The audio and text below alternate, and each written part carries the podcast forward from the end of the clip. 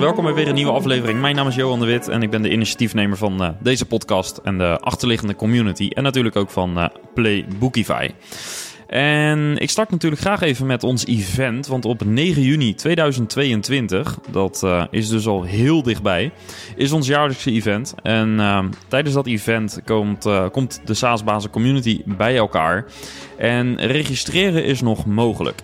Zet deze aflevering even op pauze. Ga naar saasbazen.nl voor je tickets en kom daarna natuurlijk weer terug. Want we gaan een leuke aflevering maken. Ja, en voordat we naar de aflevering van vandaag gaan, uh, eerst een bericht van onze sponsor Leadinfo. Want Leadinfo is een SaaS-oplossing waarmee je precies ziet welke bedrijven jouw website bezoeken en ook wat ze op jouw website doen, uh, zodat je ziet waar ze geïnteresseerd in zijn. Op die manier kun je niet alleen nieuwe prospects uh, identificeren die je website bezoeken, maar je ziet bijvoorbeeld ook welke pagina's jouw leads in jouw salespipeline bekijken wat uh, weer waardevolle input is voor jouw sales team. Ga naar leadinfo.com slash saasbazen voor meer info. Ja, en vandaag gaan we het hebben over Unlit uh, Studio. Uh, opgericht door Arne Lubbers en Geert Wessels. Zij zijn beide te gast en ze zijn nog niet zo heel lang bezig. Maar toch besloot ik hen een uitnodiging te sturen voor een gesprek. Tijdens een voorgesprek vielen me een aantal interessante gespreksonderwerpen op en vandaag gaan we die doornemen. Ze delen wat ze hebben geleerd van de eerste gesprekken met een angel investor. En ook wat ze geleerd hebben tijdens uh, het Investor Readiness traject bij Golden Egg Check.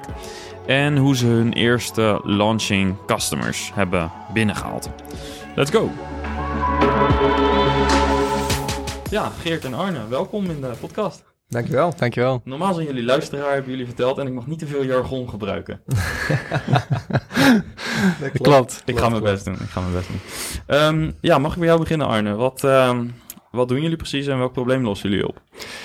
Ja, wij, uh, wij zijn een start-up uh, genaamd uh, Unlit Studio. Uh, of althans, wij zijn de twee founders van Unlit Studio. Um, ons product um, maakt het mogelijk om in een enorm snelle tijd een enorm realistische uh, visualisatie neer te zetten van, uh, van, een, van een interieur. En um, ja, de, daarbij zijn we echt zwaar onderscheidend ten opzichte van andere pakketten op dit moment in, uh, in de markt. En dat doen we middels game technologie. Oké, okay. gaan we meer over horen straks. Maar eerst even naar jou, Geert. wat is jouw rol? Ja, Geert Wessels, uh, ook een van de founders uh, bij hun lid. Um, niet zozeer in de, in de technische hoek van ons bedrijf, maar vooral in de, de marketing, marketingkant en de randzaken binnen het bedrijf. Ja, en je komt uit het onderwijs, hè? Ja, ja klopt. Het is een hele andere aanvliegroute dan de gemiddelde waarschijnlijk gast die hier zit. Ik kom uit basisonderwijs inderdaad, dus mijn diploma staat netjes de PABO boven. Um, en uh, naast mijn uh, baan in het onderwijs ben ik al wat uh, gaan ondernemen. Een marketingbedrijf begonnen, um, vooral op het gebied van strategie. Zo kun je bedrijven verder helpen op het online, online vlak. En um, ja, met, met die kennis eigenlijk langzaam met Arne in, in, gesprek geraakt. En niet per se als klant zijn, maar meer als... We kennen elkaar vanuit vroeger, vanuit de buurt. hij had, zat met een goed idee... En zo, uh, zo zijn, we, zijn we langzaam naar elkaar toegegroeid. Ja, cool. Hoe is het idee ontstaan? Ja, ik was uh, een heel aantal jaar geleden uh, actief als verkoper in, in de retail. En ik verkocht haren en kachels, ook een interieurproduct natuurlijk. Um, in de showroom tekenen we daar vaak met, met SketchUp, een 3D-programma. En ja, het was gewoon 3D is altijd een beetje passie van mij geweest. Dus het ging me daar altijd heel makkelijk af. Maar andere verkopers die worstelden daar best wel mee. Kostte gewoon heel veel tijd. En uh, ja, zelf speelde ik vroeger nog wel eens een spelletje uh, genaamd The Sims. En um, voor mij was een van de triggers van ja, we zijn heel lang met een klant aan het tekenen in de showroom. Dat kan toch veel makkelijker? Is er geen alternatief voor denk, SketchUp? Denkbeeldig had jij al je PlayStation uh, op bureau staan. Zoiets. En uh, ja, nou goed, en dan ga je zoeken en dan uh, kom je niet echt wat tegen. En um, internationaal zelfs niet. En dan ga je toch denken van oké, okay, um, ik kan ik hier niet wat mee? Hè? Ik, ik had al wat ervaring met, met, met game technologie. Uh, in, die zin, zeg maar, de software waar games uh, op gebouwd worden. Um, nou ja, dan ga je daar eens wat mee rommelen. En um, ja, zo is eigenlijk een lid ontstaan. Want dat, het idee van een lid ontstaan. En toen kwam ik op een gegeven moment inderdaad bij mijn zwager kwam ik Geert tegen. Uh, uh, die kende ik al, wat Geert net al zei, maar uh, we kwamen aan de praat en daar kwam het idee op tafel. En toen zei Geert van, laten we eens een keer een biertje gaan doen. Ja, en dat is uitgegroeid tot een start-up. ja, ja, ja, ja, nou ja, het was vooral, ehm, we hebben daar heel kort tijdens een kop koffie staand wat dingen besproken van, joh, wat doe jij nou, wat doe ik nou?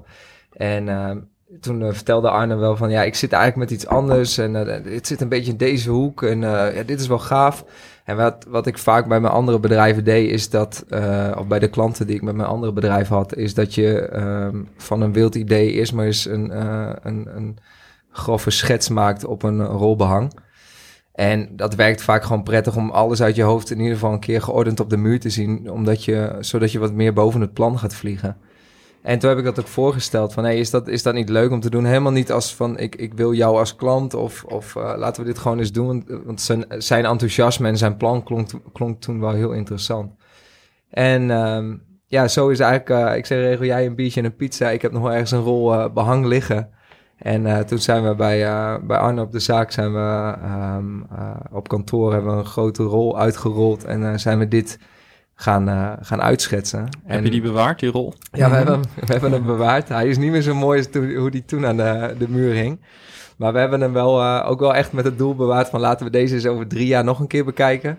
En uh, kijken wat er nou daadwerkelijk van geworden is. Want het idee is natuurlijk al weer heel wat, heel wat andere richtingen ingegaan.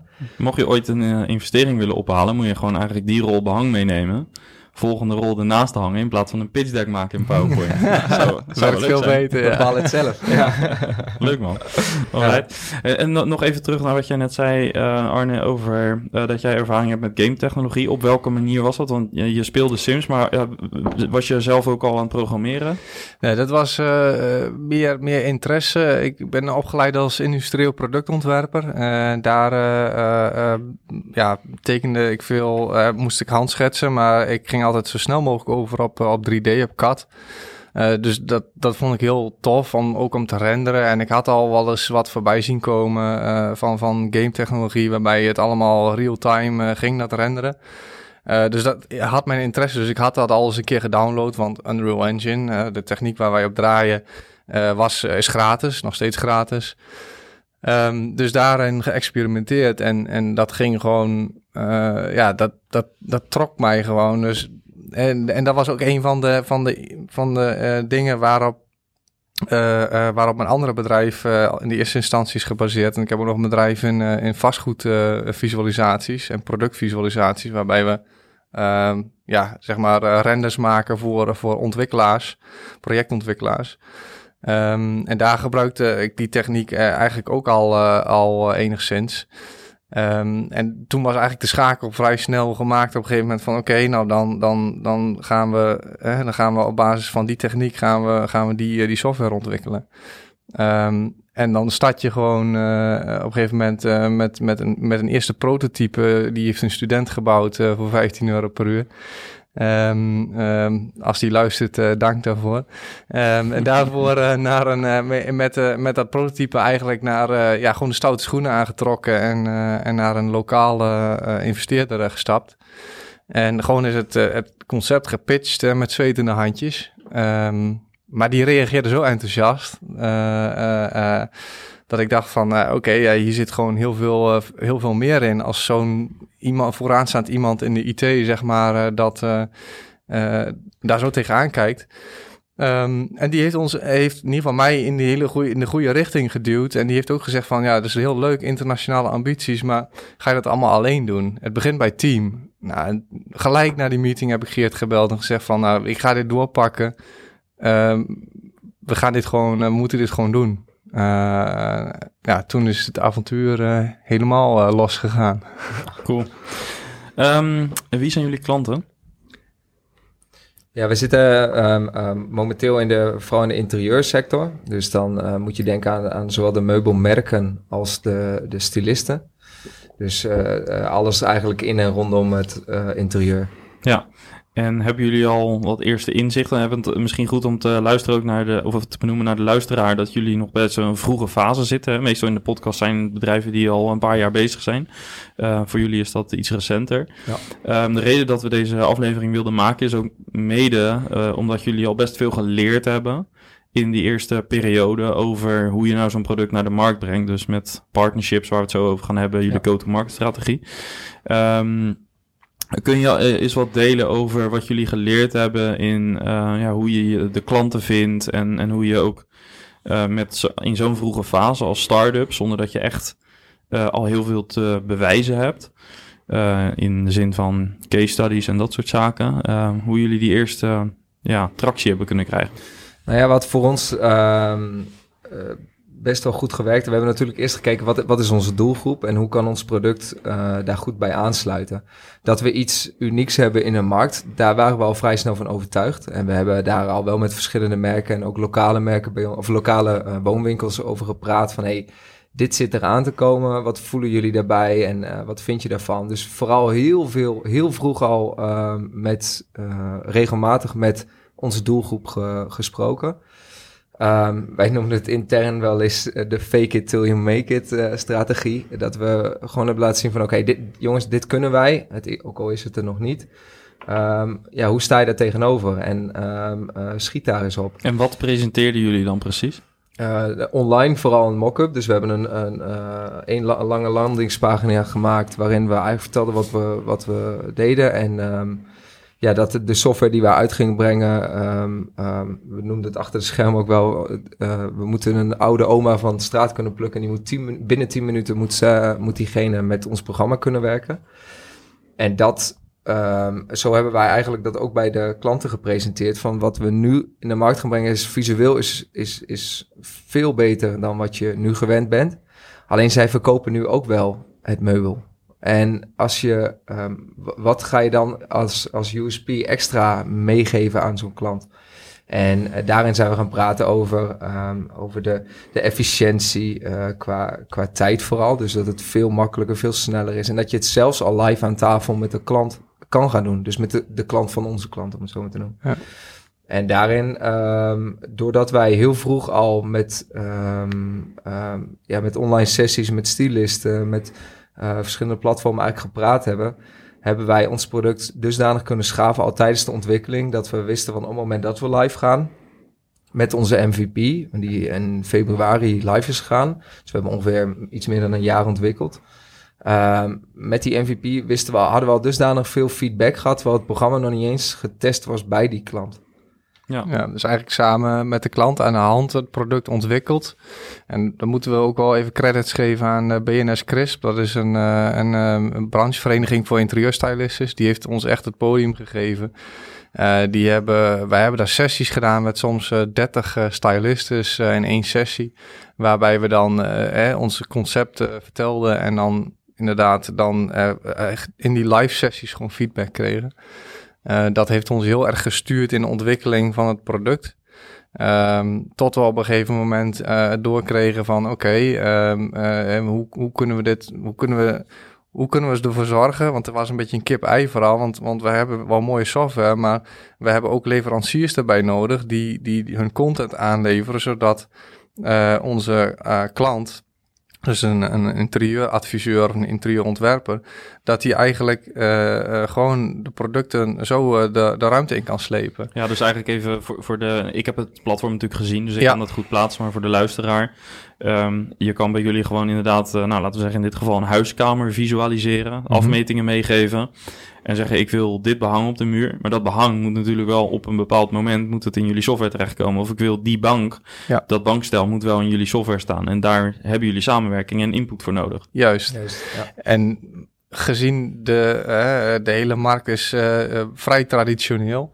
Uh, dat, dat druk ik nog zacht uit. Um, is het best wel lastig om, om, om dat soort uh, leveranciers te overtuigen. Dus wat we op een gegeven moment hebben gedaan is ehm, ja, ook weer de stoute schoenen aangetrokken en gewoon Eikam benaderd. die dus een van onze strategische partners is op dit moment. Is gewoon de naam binnen de interieurwereld als het gaat om meubels. Ehm, ja, en we hebben eigenlijk, uh, we zijn met hen in gesprek gekomen en, en uh, ja, daar, daar viel eigenlijk heel snel het kwartje. Uh, um, en, en ja, zij zagen de belangen heel erg van in. En ze hebben op een gegeven moment gezegd van oké, we gaan gewoon, we gaan samen optrekken en we gaan jullie bij al die leveranciers naar binnen brengen. Die leveranciers moeten aan boord, want dan kunnen wij met jullie software werken. En dat is eigenlijk hoe we, de, de, de weg waar we nu in zitten en... Nou, we hebben soms uh, vier, vijf meetings op één dag met allemaal grote meubelmerken en dat gaat maar door. Uh, en er is echt enorm veel interesse om te onboorden. Maar wel omdat Eierkamp zegt dat ze met onze software willen werken. Dus dat, dat is gewoon een enorme stok, stok achter de deur voor zo'n uh, fabrikant. Ja. ja. ja. wat ik vooral ook hoor als ik jullie verhaal hoor... en ik zou daar een takeaway uit moeten halen voor early stage SaaS-bedrijven is dat jullie heel veel praten. Allereerst dus met de, de, angel investor of de, de, de, eerste persoon waar jullie mee gingen zitten. Uh, vervolgens heel erg samen met, met klanten en een aantal launching customers. Um, dan inderdaad met mogelijke partners. Dus de rode draad is heel veel gesprekken voeren.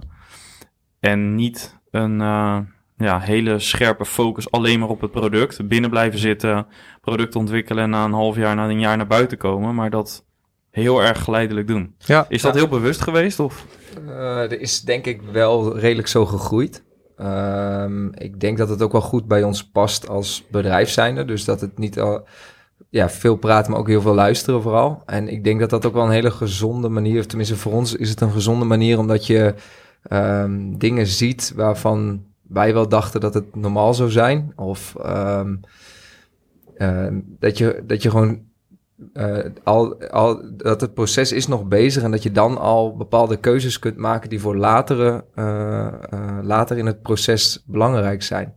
Of die toch wel aan bod gaan komen. En, en kijk, een Eierkamp, om als voorbeeld te noemen, of een Heijmans, onze strategische partner in de, in de bouwwereld, is, is um, ja, die lopen met dusdanig andere problemen dan, die wij nu als, als jonge start-up zien. Ja. Ja, en dat is wel hetgeen, en dat is veel luisteren, denk ik. Ja, zodat je nog in het proces zelf kan aanpassen. En, en ook niet te bang moet zijn om uh, kwetsbaar op te stellen. Dus dat je ook weet van, oké, als zij met dit soort dingen worstelen, dan kunnen wij daar nu nog wat aan doen. In plaats van dat we zeggen, nou ja, maar passen jullie je maar aan. Nee, zo werkt het niet altijd. Ja, het, het voelde ook gewoon heel natuurlijk om het op die wijze te doen. En nou wij, wij, zijn beide een fervent luisteraar van jouw podcast. En dat hoor je toch wel, wel vaker terug. Dat je echt wel uh, ja, je moet gewoon echt heel goed naar de klant luisteren wat de klant wil. En, en, en je kunt wel zelf bedenken van, oké, ik denk dat het zo moet en dat dan gaan bouwen. En dan vervolgens loop je tegen een muur op omdat klanten er heel anders naar kijken. Wij zijn een jonge generatie, wij zijn gewend om te gamen. Uh, uh, maar er werken ook mensen met onze software die nou, nauwelijks, ja, is heel denigrerend klinkt dat, maar die eigenlijk moeite hebben met een PC bedienen, ja. zeg maar. Um, maar die moeten er ook mee kunnen werken. Um, ja, daar komt, dus en dan is het heel moeilijk om je daarin te verplaatsen, tenzij je met iedereen gewoon inderdaad daar helemaal induikt. Ja, en wat is het verrassende uh, stukje feedback geweest of idee wat jullie zijn tegengekomen wat je anders nooit had gehad? Ja, heel veel.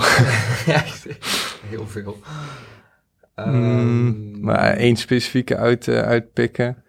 Ja, uh, een voorbeeld, uh, de, de bediening, zeg maar, van hoe je navigeert door de ruimte. Um, um, ik vind het heel normaal. Het is gewoon een tweede natuur om met de muis rond te kijken en vervolgens met mijn pijltjes toetsen uh, te bewegen, te navigeren. Dus je, je, roteert de camera met, met de muis en vervolgens vlieg je rond met je WSAD of je pijltjes toetsen. Maar dat is niet voor heel veel, veel mensen is dat heel lastig.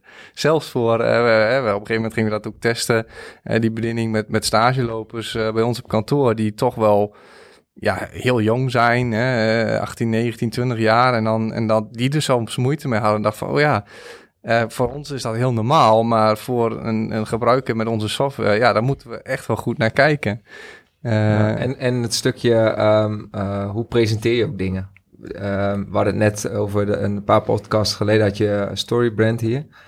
En dat is voor ons ook wel een eye-opener van ja, hoe wij het presenteren is voor ons heel normaal. Maar dat wil niet zeggen dat een traditionele markt waar wij het toch voor presenteren, dat die dat ook allemaal als zoete koek slikken. Ja. En, en dat zijn wel uh, eye-openers waar we ook nu nog gewoon mee bezig zijn. Van oké, hoe kunnen we dit toch terugbrengen? Want je wil niet de Jip en Janneke tool worden. Dat, dat hoort ik. We brengen wel een stuk kwaliteit. Dus dat, daar moet je ook, uh, ja, dat mag je ook leren. Alleen um, wat voor ons heel normaal is, niet voor onze doelgroep per se altijd heel normaal. Ja. Rode draad luisteren. Ja, ja ik denk wel een mooie. Ja. Oké, dat, is een, uh, dat is een hele mooie om, uh, om hier uh, door te geven. Um, een ander ehm, onderdeel van jullie journey is geweest, hoe ga je dit allemaal financieren? Um, en daar hebben jullie ook wat keuzes in moeten maken. ja, wat kunnen jullie daarover zeggen? Nou ja, we hebben in het begin al, uh, nou ja, je hebt dan, uh, Arne heeft al um, um, in het begin wel met een uh, investeerder gepraat. Um, toen zijn wij eigenlijk wat meer het proof of concept gaan, gaan bouwen en gaan presenteren. En toen waren we er eigenlijk wel heilig van overtuigd. Oké, we hebben gewoon geld nodig. Want we hebben een, goede programmeur hebben in dienst. Daar zijn we ontzettend blij mee. maar ja, die kost ook geld. En, en zo zijn er wel meer dingen. marketing kost ook geld.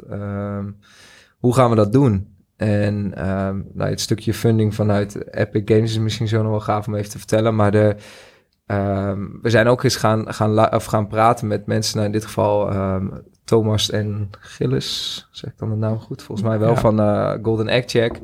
En die helpen je eigenlijk, zulke soort bedrijven zijn zo gewend, of zulke soort mensen zijn al zo gewend om, om jongens zoals ons uh, te begeleiden en, en te weten waar de valkuilen liggen. En ook daarmee is het weer uh, praat met mensen, zodat je... Wij, wij gaan geen nieuwe weg.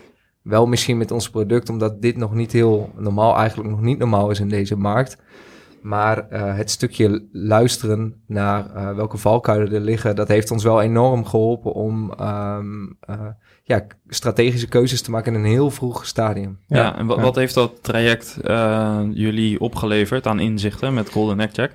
Nou ja, kijk, je leert gewoon heel erg, of je, je, je krijgt heel erg goed mee hoe een investeerder naar jou uh, als, als start-up kijkt. En dat heeft gewoon heel veel waardevolle inzichten gegeven. Je gaat veel verder nadenken. Je gaat veel meer over je, je, je financials uh, nadenken. Uh, ik ben absoluut geen financiële man, maar je wordt echt gedwongen, zeg maar, door, door om je investor readiness op te schroeven. om daar goed over na te denken. En dat, dat maakt het dat je dan vervolgens gewoon betere keuzes maakt. Uh, dat heeft ons heel erg, heel erg gestuurd. We hebben op een gegeven moment wel gesprekken gevoerd met meerdere investeerders, uh, ook een, groepen met angels.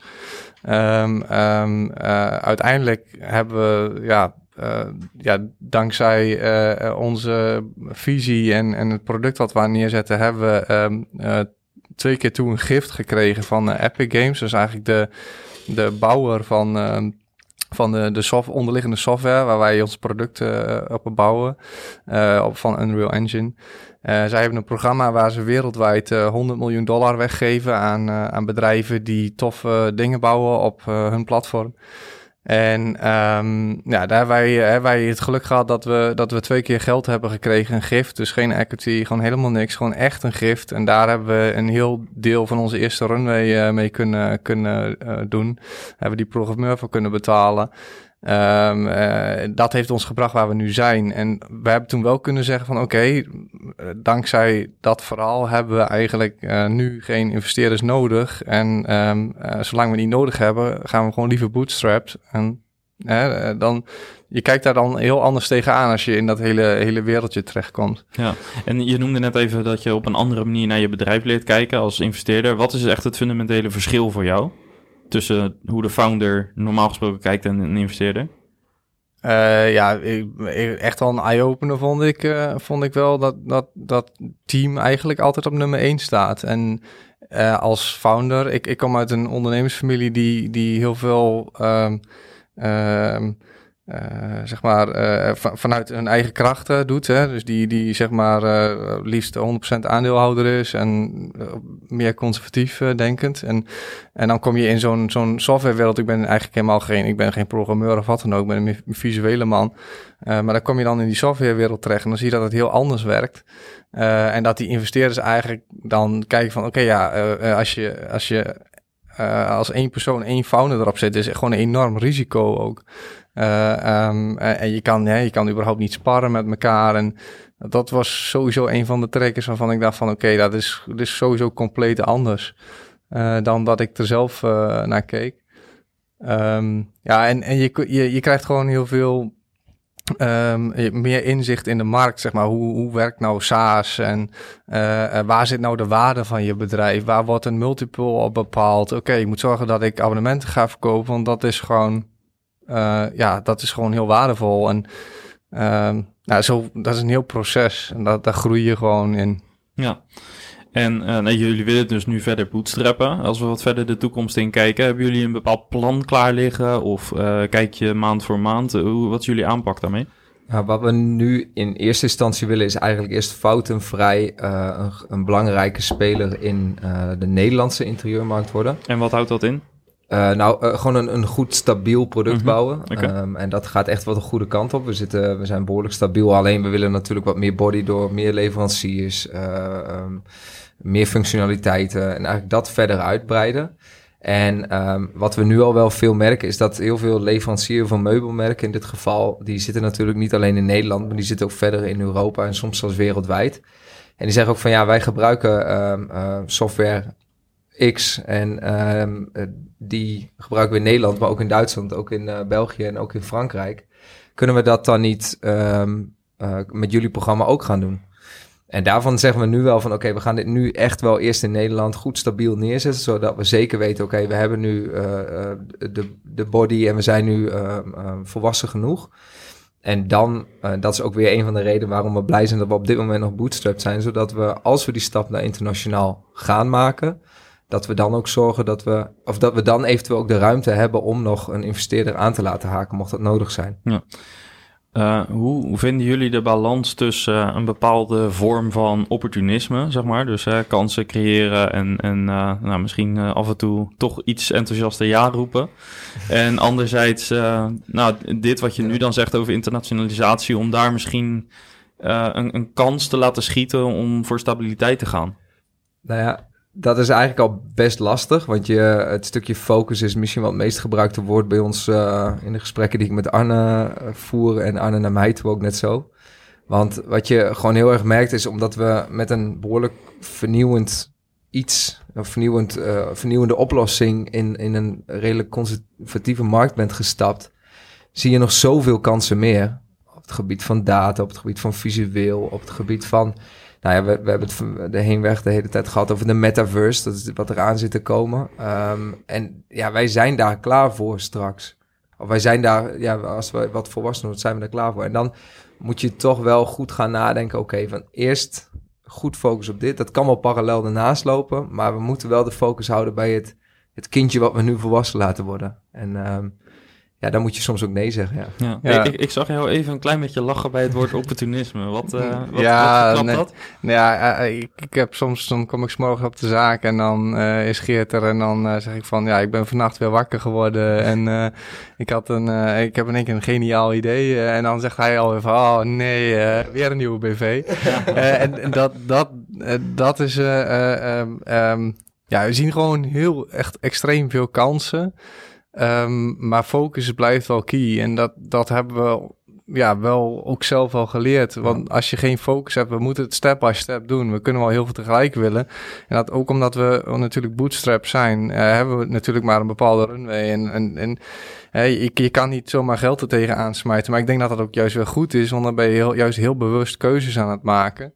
Uh, um, hè, dus dat, dat past ook gewoon goed bij ons.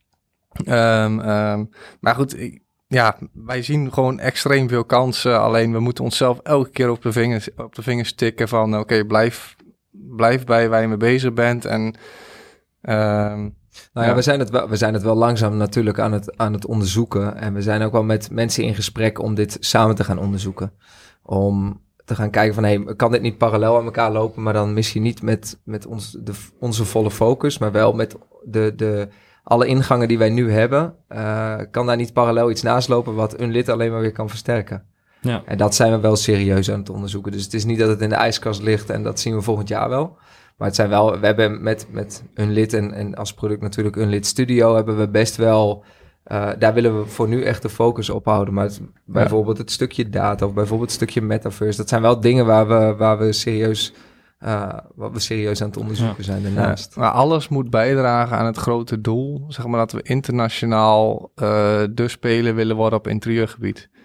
Eh, hè, de hele manier van shoppen wordt straks anders. Je scrolt niet meer over een webpage met platte plaatjes.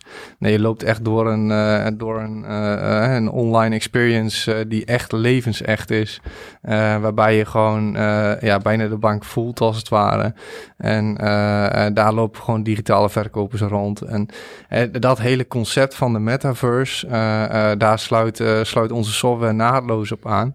Ehm, maar dat is wel het, het grote lange termijn doel. We, hebben echt heel, we kijken echt wat dat betreft heel ver vooruit. Ehm, En, en hoe heb je dat gedefinieerd? Want eh, eh, wereldwijd de grootste speler op eh, interieurgebied. ja, Dat klinkt voor mij nog vrij breed. ja, En ik kan me voorstellen dat je, dat je binnen die scope inderdaad best nog wel snel kan afgeleid zijn in, in naar allerlei mogelijke zijpaden, zeg maar. Terwijl als je hem wat strakker definieert op de scope waar jullie nu zitten met het product, namelijk 3D-visualisatie en eh, een aantal dingen die je liet Ja. zien, dat is voor mij al wat specifieker, waarmee je misschien die mogelijke zijpaden al bij voorbaat misschien al iets meer beperkt. Ja, correct. Ehm, eh, en, en die, die paden, die, die, die, eh, dat, wat, dat doel wat ik net uitsprak, dat is ook echt gewoon een, een ja, eigenlijk een bierhack, eh, als het ware. Ehm, eh, en daarom proberen wij ook echt ook bij het nu te kijken en elke keer zeg maar eh, dat heel goed op te knippen. Maar kijk, als je over dat datadeel praat, dat, dat is gewoon echt ook super belangrijk voor onze toekomst. Eh, eh, eh, en het aansluiten op de metaverse. En als dat allemaal. Kijk, uiteindelijk moeten we wel ook strategisch kijken van oké, waar komt het allemaal bij elkaar? Eh, en als wij daar eh, het internationale platform willen worden, waar zeg maar straks. eh, eh, eh, in principe ja, het grootste deel van, eh, van alle, alle meubels geconfigureerd en verkocht gaan worden. Hè? Dat is misschien wat specifieker dan. Ehm, eh, daar daar moet, komen dat soort paden, die zijn daar wel heel belangrijk in. En als die ehm, niet snel genoeg meegaan met ons, dan moeten we ze misschien zelf maar oppakken. Ja. Eh, gebruiken jullie ook een soort framework of een, eh, je hebt scaling up bijvoorbeeld, of een soortgelijk framework om eh, die V-hack te definiëren en vervolgens alles wat daarvoor nog zit om dat te definiëren en te duiden? Of is het nu het, ro- het rolletje behang, zeg maar? dat, dat moet wel in een framework gegoten worden. Daarom luister ik ook zo aandachtig naar je podcast, Johan. Eh, eh, daar, daar komt gewoon, komen heel veel interessante dingen terug. En het scaling-up verhaal eh, met één partner uit de andere vertical hebben we het daar ook al over gehad. Maar die zit in een andere fase, dat bedrijf. En, Ja, ehm, het, het klinkt nog wat vroeg voor jullie om ja, daar zwaar op in te zetten. Precies, hoor. Maar- dus daarom, daarom wij, wij, dat werd focus vooral. hè. dus we zetten daarop in wanneer wij het nodig eh, gaan hebben. Ja, heel En- goed. Ja. Nee, het is ook wel een beetje gekomen sinds de lancering van de MVP. We gaan nu volgende week met een tweede versie eh, ehm, gaan we live. En die is een stuk stabieler, maar in die we hopen daarna ook weer wat rust te creëren om strategisch weer wat, wat eh, adem te kunnen halen. Omdat je nu zit je, wat Arne net ook zei, we zitten soms per dag met vijf verschillende grote meubelmerken. Die willen allemaal een test draaien en allemaal een demo doen. En allemaal eh, moet het nog wat geoptimaliseerd en soms zelfs gemodelleerd worden. Ehm, waar wij dan wel in faciliteren, zodat het voor ons ook snel genoeg kan blijven gaan. En ehm, ja, ondertussen moeten we onszelf echt op de vingers tikken. Zo oké, terug. Waar willen we naartoe? Hebben we de focus te pakken? Gaan we de goede kant op?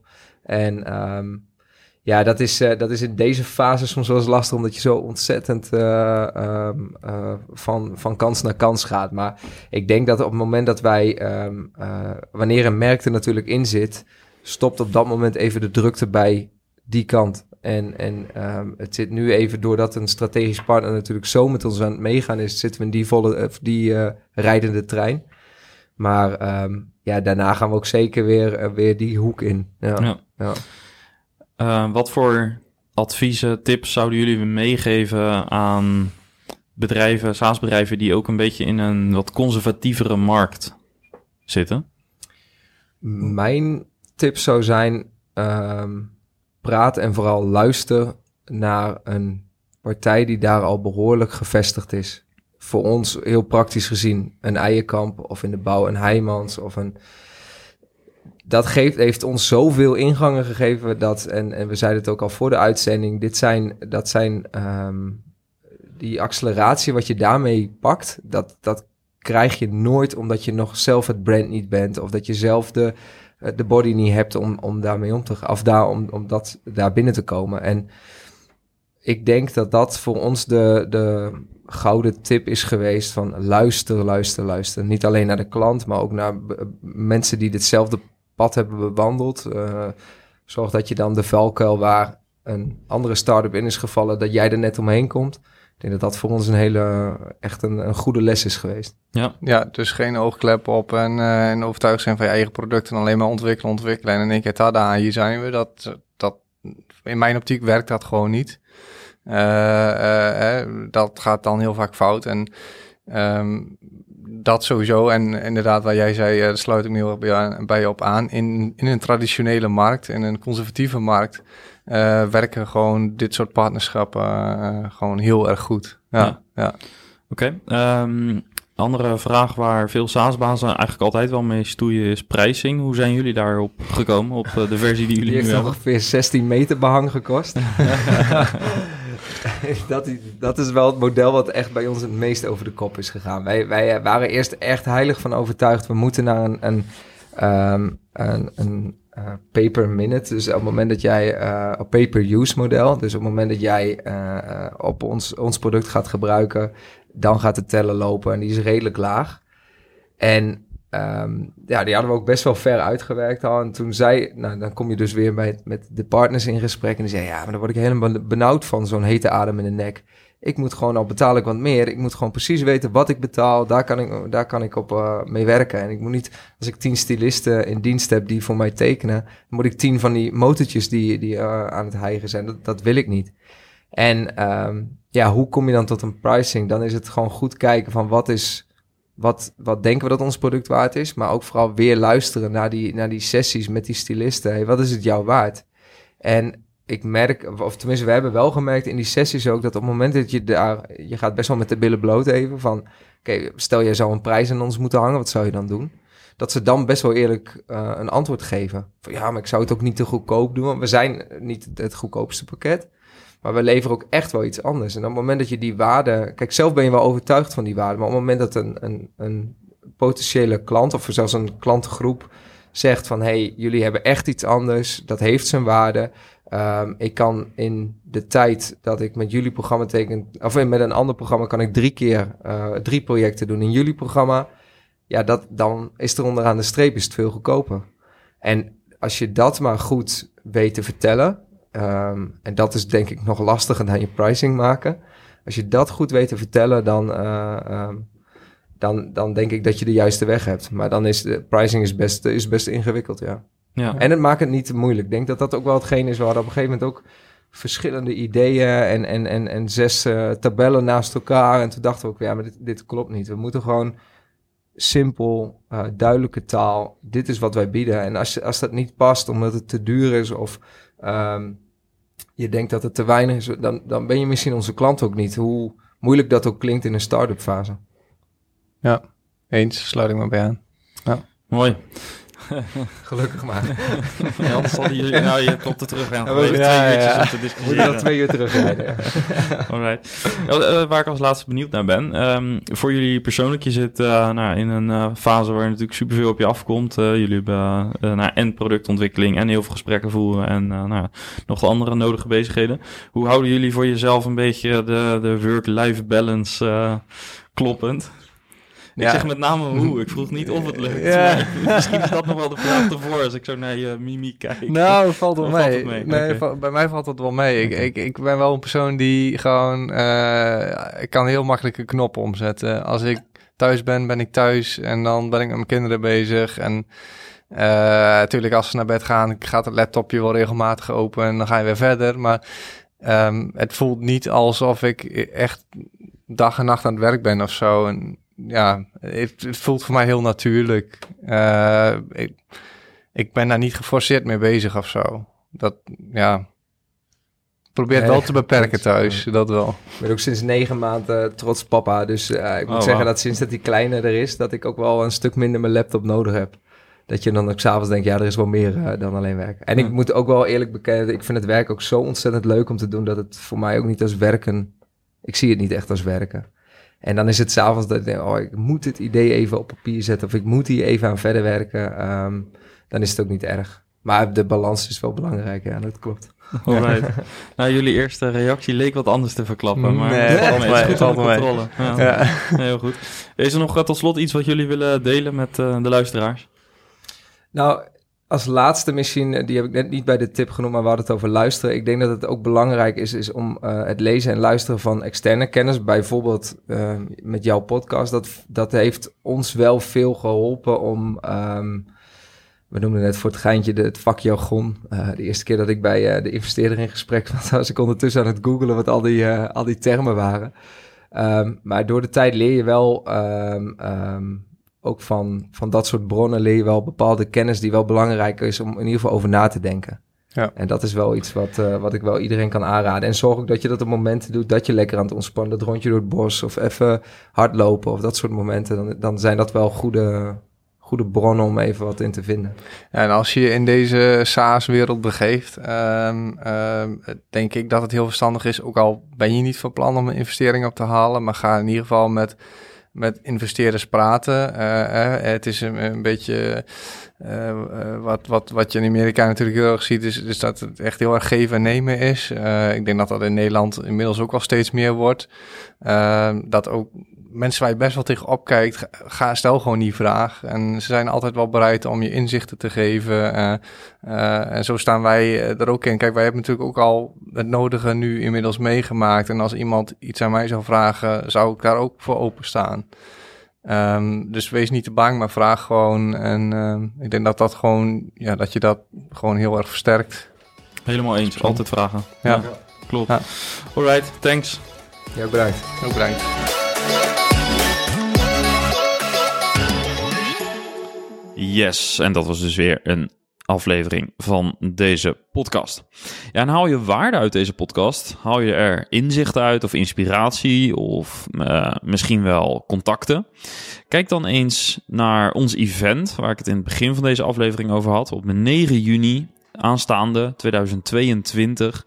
Eh, dat is een live event in person, waarbij we eindelijk weer bij elkaar kunnen komen om eh, nou, te netwerken, maar vooral ook om kennis en eh, ervaringen uit te wisselen. We hebben een interessant programma voor je klaarstaan met ehm, thema's als eh, go-to-market strategie. We gaan het hebben over account-based marketing, maar ook over de zogezegde tegenhanger, product-led growth. eh, staat op de agenda. Internationalisatie. Hebben we een aantal eh, interessante thema's over. En nou ja, er zijn een aantal andere thema's die je kunt terugvinden op de website saasbazen.nl. Daar is meer informatie te vinden. En daar kun je ook tickets bestellen als je dat eh, nog niet gedaan hebt. Natuurlijk proberen we zoveel mogelijk SaaS-bazen die dag bij elkaar te krijgen, zodat we ook eh, ja, voor iedereen een eh, interessante netwerk-opportunity hebben. En dat je ook naar huis gaat met een, met tal van inzichten. Goed, bedankt weer voor het luisteren naar deze aflevering vandaag. En heel graag tot volgende week. Ciao.